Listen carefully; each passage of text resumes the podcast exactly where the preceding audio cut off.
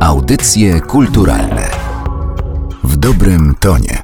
Zajmują się modą kobiecą z pierwszej połowy XX wieku. Uczestniczą w inscenizacjach, grają w filmach i przypominają sylwetki kobiet walczących w konfliktach zbrojnych oraz wspierających wojenny wysiłek z dala od frontu.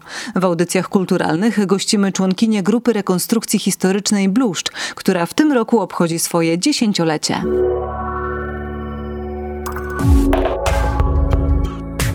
Ale możemy chyba z okazji dziesięciolecia zdradzić, że na samym początku wahałyśmy się między dwiema nazwami. Ewa Łukasik, drugą była nazwa Casablanca od słynnego filmu, no ale zdecydowałyśmy się na bluszcz, ponieważ jest to odniesienie bardziej związane jednak z historią Polski i na tym nam też zależało. Jesteśmy żeńską grupą. Wynika to z faktu, że po pierwsze w rekonstrukcji nie brakuje męskich grup, po drugie właśnie ta taka obserwacja środowiska rekonstrukcyjnego wpłynęła na naszą decyzję, ponieważ ta działalność jest zupełnie inna w przypadku przypadku kobiet, ze względu na to, że inna była rola kobiet w historii.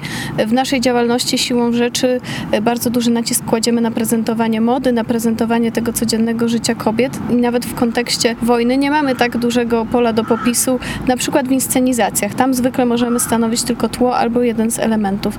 Stąd taka decyzja i myślę, że dobra, ponieważ no, możemy jakby organizować sobie to całe życie w środowisku rekonstrukcyjnym i naszą działalność pod konkretne nasze potrzeby i możliwości. I ja przyglądam oglądałam rekonstrukcje, w których brałyście udział. Jeden z pomysłów, który bardzo mi się spodobał, już tutaj go mam, e, brytyjskie drwalki z okresu II wojny światowej. Ile jest jeszcze takich kobiet, które były związane z działaniami wojennymi, chociaż być może nie na froncie, które można by było przedstawić? Wiele kobiet brało udział w działaniach wojennych, nie bezpośrednio na froncie, tylko właśnie w domu, w swoich e, krajach, w miejscu zamieszkania. Marta Mirecka. Stanowiły nie tylko podporę dla dla swoich rodzin i dla ciągłego, normalnego życia w momencie, kiedy większość mężczyzn pojechała na front, ale również bezpośrednio przyczyniały się do produkcji broni bądź produkcji żywności, bądź tak jak już wcześniej wspominałaś, produkcji budulca do samolotów czy innych e, elementów wojskowych. I na przykład w Anglii wśród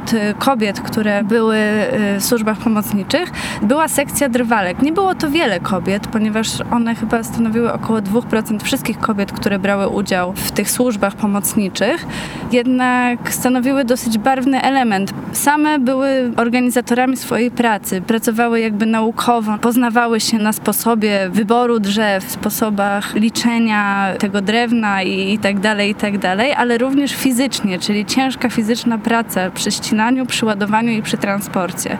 Działo się tak nie tylko w Anglii, a w Anglii to w ogóle się działo od I wojny światowej. Również w Kanadzie były takie organizacje, w Australii, w wielu innych krajach alianckich, gdzie kobiety były postawione przed faktem, że musiały przejąć role męskie. I czy właśnie jakieś macie inne pomysły na przedstawienie tych mniej znanych historii kobiet? Bo takie, które mi przychodzą do głowy w pierwszej chwili, to są atomówki, czyli kobiety, które pracowały w Stanach Zjednoczonych e, w fabrykach e, broni atomowej. Nie wiem, czy Stany Zjednoczone też są w obszarze waszych e, zainteresowań? Tak, jak najbardziej. Śmiejemy się, ponieważ z tymi atomówkami to faktycznie był pomysł na stworzenie takiej dioramy fabryki broni, natomiast tutaj ze względów może technicznych z tego zrezygnowałyśmy, dlatego że no jest to takie duże przedsięwzięcie. Nie jest łatwo pokazać to w taki sposób wiarygodny. My pokazywałyśmy wiele różnych takich historii kobiecych z różnych frontów tak naprawdę i z brytyjskiego. Pokazywałyśmy też na przykład kobiety pracujące w szpitalu polowym na froncie, ale niemieckim z kolei. Pokazujemy też regularnie i bardzo często jakieś działania Polek różnego typu. Zależy nam na tym przede wszystkim, żeby pokazać, że te kobiety nie tylko w czasie wojny, ale też przed wojną żyły w bardzo ciekawych, zawiłych czasach i które stawiały nowe wyzwania i zmieniały ten model kobiecości, w związku z czym też y, trochę zmieniały się role i kobiety musiały się w tej sytuacji odnaleźć. Nie ukrywamy też, że bardzo nas interesuje, trochę zachwyca obraz kobiecości kreowany w dwudziestoleciu międzywojennym, na przykład y, takie przykładanie wagi do stroju, do zachowania, a jednocześnie pewna taka fantazja ponieważ przynajmniej w polskiej kulturze był to czas naprawdę takiego no, rozwoju i życia kulturalnego, towarzyskiego, artystycznego. Także staramy się z tych wszystkich wzorców czerpać, ale jednocześnie staramy się, żeby to jakoś też przekazać, że można nie tylko to rekonstruować i patrzeć na to jak na jakiś taki relikt zamknięty w gablocie, ale również w jakichś obszarach życia codziennego, czy to może wdrażać, czy właśnie czerpać z tego jakąś na co dzień radość, inspirację. A jak wdrażać te przedwojenne przedwojenne ideały, ten przedwojenny styl do codziennego życia? Wydaje mi się, że patrząc też na nas, na co dzień można wysnuć taki wniosek, że faktycznie ten bakcyl rekonstrukcyjny też przechodzi do życia codziennego, również w stylizacjach. Oczywiście tutaj jest większa doza fantazji potrzebna i też wyczucia po to, żeby na co dzień nie wyglądać jak osoba przebrana, tylko jak osoba, która ma jakiś swój styl i umie go dopasować do sytuacji. Ale na pewno już nie wdając się w takie detale strojów, ten wpływ myślę widać po pierwsze w tym, że faktycznie zwraca się uwagę na przykład na to, żeby ten strój w odpowiednich sytuacjach był odpowiedni, czego może czasami brakuje w dzisiejszych czasach. Ja też z kolei tak osobiście lubię czerpać taką inspirację z takich pewnych drobnych aspektów życia, czyli na przykład y, chociażby taki głupi fakt. Teraz wszyscy piszą, nie wiem, długopisami, które gdzieś tam znajdą, kupią, dostaną w gratisie i mi To ja. tak, mi też się to bardzo często zdarza, ale mam też pióro i staram się pamiętać o tym, żeby nim pisać, bo wydaje mi się, tak jak było kiedyś, że nawet w takich drobnych czynnościach, które może pozornie wymagają więcej wysiłku, a kiedyś no, siłą rzeczy tak się żyło, bo nie było takiego konsumpcjonizmu, tylu produktów, tak szybko to się nie wytwarzało, że to jakoś nadaje życiu taki też odcień, nazwijmy to retro, czy nie wiem, słuchanie płyt, czy winylowych, czy nawet szelakowych, które przed wojną były. No wiadomo, że na co dzień słuchamy płyt z MP3, ale od czasu do czasu to nadaje taki kontakt z tą przeszłością i ją ożywia. Jeżeli chodzi o rekonstrukcję, jakbyście mogły opowiedzieć o tym, jak wygląda rekonstrukcja ubioru. Rekonstrukcja strojów kobiecych przedwojennych jest dużo bardziej skomplikowana, ponieważ jakby też kwestia ubioru miała dużo więcej aspektów. Po pierwsze trzeba wiedzieć, jaki strój chce się założyć, czy to jest strój dzienny, popołudniowy, wieczorowy. Po drugie trzeba wiedzieć, na jaką okazję, czy to ma być bardziej formalne, czy bardziej na spotkanie towarzyskie. Ponadto na pewno trzeba zdefiniować, w jakim kraju się chce znajdować w tym czasie, ponieważ moda polska, moda amerykańska, czy angielska, czy francuska w dwudziestoleciu międzywojennym bardzo się różniła. I w momencie, kiedy już się zbierze te informacje, jaki strój chce się tak naprawdę zrobić, no to trzeba zacząć szukać inspiracji, właściwie to, co się najbardziej podoba. A jeśli się podoba, to trzeba też wiedzieć, czy to jest odpowiednie na daną sytuację. Często spotykamy się z tym, że lata 20 to frędzle i niezależnie, czy to jest godzina 12, czy to jest godzina 18, czy to jest lato, czy to jest zima, czy to jest spotkanie towarzyskie, czy przyjęcie u prezydenta, wszystkie kobiety zakładają frędzle. Oczywiście, że tak nie było. Frędzle były, ale tylko w bardzo nieformalnych sytuacjach, w kabaretach bądź na jakichś innych rautach, a lata 20 to jest bardzo długa i ciekawa historia przeróżnych strojów, chociażby patrząc na Coco Chanel albo na Elze Schiaparelli, o to jak one się różniły. Strój rekonstrukcyjny to jest przede wszystkim duża praca przed pokazaniem tego stroju. Później trzeba zobaczyć, jaki materiał był dostępny w danym czasie. Oczywiście w zależności od lat, czy to był materiał sztuczny, jak był tkany, jakie były wzory, bo też nie wszystkie wzory, które dzisiaj nam się podobają, były dostępne przed wojną, ponieważ nikt jeszcze na przykład takich wzorów nie wymyślił, albo na przykład nie były modne, na przykład jakieś kraty takie czarno-białe, czy coś w tym stylu, no to to już są lata 60., to jest później. Jeśli chce się być najlepszym na świecie rekonstruktorem, to trzeba też zwracać uwagę na nici i na sposób szycia, ponieważ nie było overlocka, trzeba było inaczej obrabiać ten materiał, więc trzeba też na to zwrócić uwagę, jak to uszyć, pomijając jeszcze sprawę guzików, które nie powinny być plastikowe, tylko z innych tworzyw, czy tam bakelitowe, metalowe, drewniane. Oczywiście jest jeszcze kwestia suwaka. Wtedy nie było suwaków, były haftki, bądź zatrzaski, bądź inne sposoby wiązania strojów, więc przed pokazaniem stroju jest to bardzo duża praca, szczególnie w książkach, w różnych materiałach źródłowych, w czasopismach, w filmach. Dopiero posiadając tą wiedzę, potem można określić, czego się chce i zacząć to rekonstruować. Szyjemy stroje, na pewno też staramy się je wyszukiwać. Internet daje bardzo dużo możliwości. Siłą rzeczy w Polsce tych strojów aż tyle się nie zachowało, co na przykład w Stanach Zjednoczonych. Stąd bardzo często sprowadzamy elementy strojów właśnie ze Stanów, gdzie no jest to nieporównywalnie większy zasób, tak ogólnie patrząc na całe społeczeństwo. Są też dziewczyny w naszej grupie, które same szyją. To też myślę zmienia się z czasem, bo na początku właściwie żadna nie szyła, teraz już tych osób jest trochę więcej. No i faktycznie też chyba z czasem zmienia się trochę podejście do tematu. O to Marta zahaczyła troszeczkę, czyli to, że w ramach danej epoki są też różne style, tak jak dzisiaj, prawda? Też różne kobiety różnie się ubierają i okazuje się, że to nie jest tak, że lata 20 i wskakuje i już, tylko każda z nas może w ramach jednej dekady czy nawet jednego roku mieć swój styl.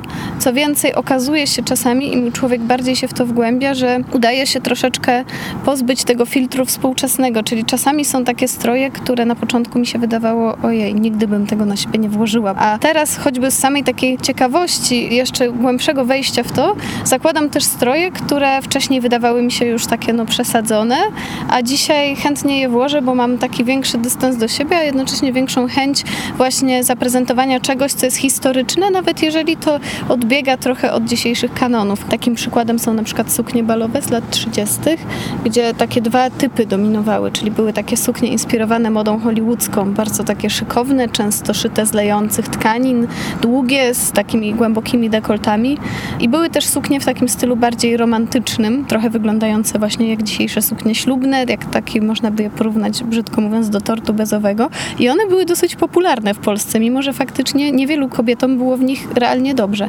No i właściwie patrząc na to, jak wyglądają suknie w grupie, no to większość osób właśnie wybiera te modele, które no tak z dzisiejszej perspektywy są bardziej takie szykowne, może bardziej się podobają, a na przykład właśnie takie modele, które dzisiaj się wydają już trącić myszką, no siłą rzeczy są trochę mniej chętnie wybierane przez nas jako rekonstruktorki. Ile jest e, takich grup żeńskich w Polsce? Nie tak dużo. My byłyśmy, nie chwaląc się, pierwszą taką grupą, ale faktycznie do dzisiaj takich stricte żeńskich grup, Marta tu pokazuje, że trzy, trzy, cztery, tylko, że to jest tak, że raczej nie wchodzimy sobie w tym sensie w paradę, że też część z tych grup zajmuje się zupełnie innymi aspektami, na przykład bardziej jakąś częścią mundurową.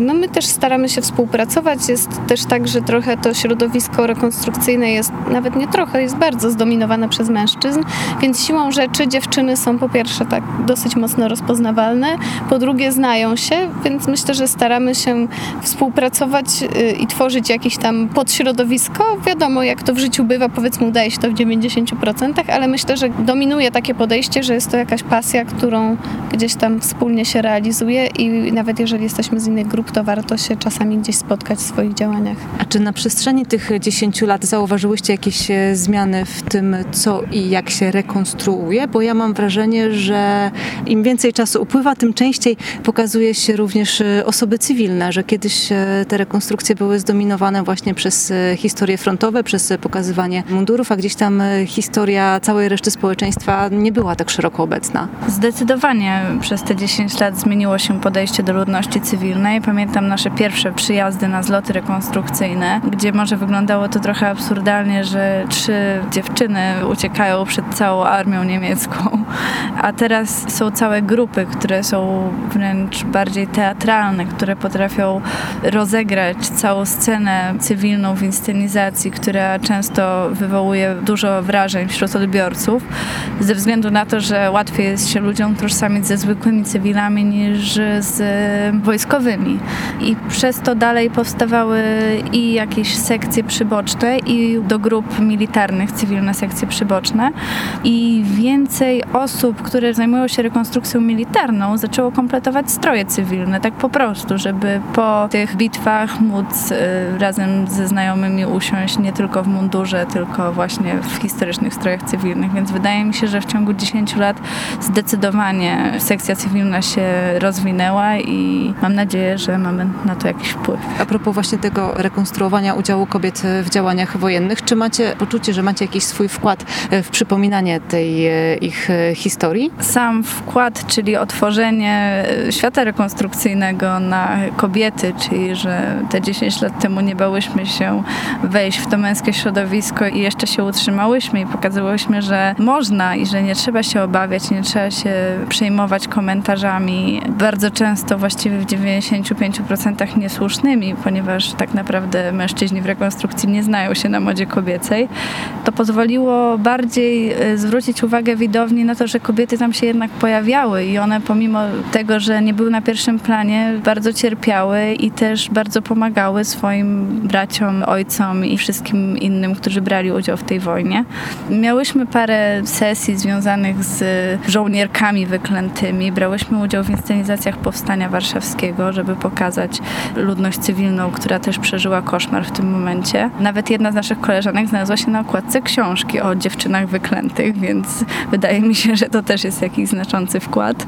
Ale jakby wydaje mi się, że dużo więcej osób zaczyna myśleć o tym, że wojna i działania wojenne dotknęły wszystkich obywateli, a nie tylko tych na pierwszej linii frontu. Mówiłyśmy o tym, że było mało kobiet 10 lat temu, ale w ogóle rekonstruktorów było o wiele mniej i my się praktycznie w dużej mierze znaliśmy nawzajem, przynajmniej z widzenia. Tutaj mówię o XX wieku, przede wszystkim II wojnie, bo to jest to środowisko, w którym my się obracamy głównie. To jest chyba drugie po rekonstruktorach średniowiecznych, z tego co patrzyłam. Były w zeszłym roku opublikowane badania i właśnie 50% mniej więcej to są rekonstruktorzy średniowieczni, później jest e, druga i pierwsza wojna światowa. Tak, dokładnie. I tych osób było o wiele mniej i teraz można na to patrzeć dwojako, że tak naprawdę jest to pewien sukces, bo teraz rekonstrukcja stała się ogromnie popularna, bardzo rozpoznawalna społecznie jako zjawisko. Już nie trzeba nikomu tłumaczyć, co to znaczy, że zajmuje się rekonstrukcją historyczną. No oczywiście jest też tak, że na pewno jest dużo różnych grup, które różnie do tego podchodzą właśnie na przykład nie tylko stricte rekonstrukcyjnie, ale też teatralnie. Po prostu to się niesamowicie rozrosło. Ale ja myślę, że to jest takie duże zwycięstwo tej rekonstrukcji na zasadzie, że faktycznie ta historia, mówiąc tak górnolotnie, poszła pod strzechy. To znaczy, że to nie jest już jakaś grupka wariatów, na których się patrzy, hmm, co oni robią, biegają z jakimiś pistoletami w czasie wolnym, tylko po prostu w każdej tak naprawdę miejscowości, mniejszym mieście czy większym, odbywają się pikniki historyczne, inscenizacje. No ta historia w jakiś sposób ożyła i myślę, że nawet ludzie, którzy nie chcą się tym zajmować aktywnie, po prostu mają okazję dowiedzieć się czegoś na ten temat.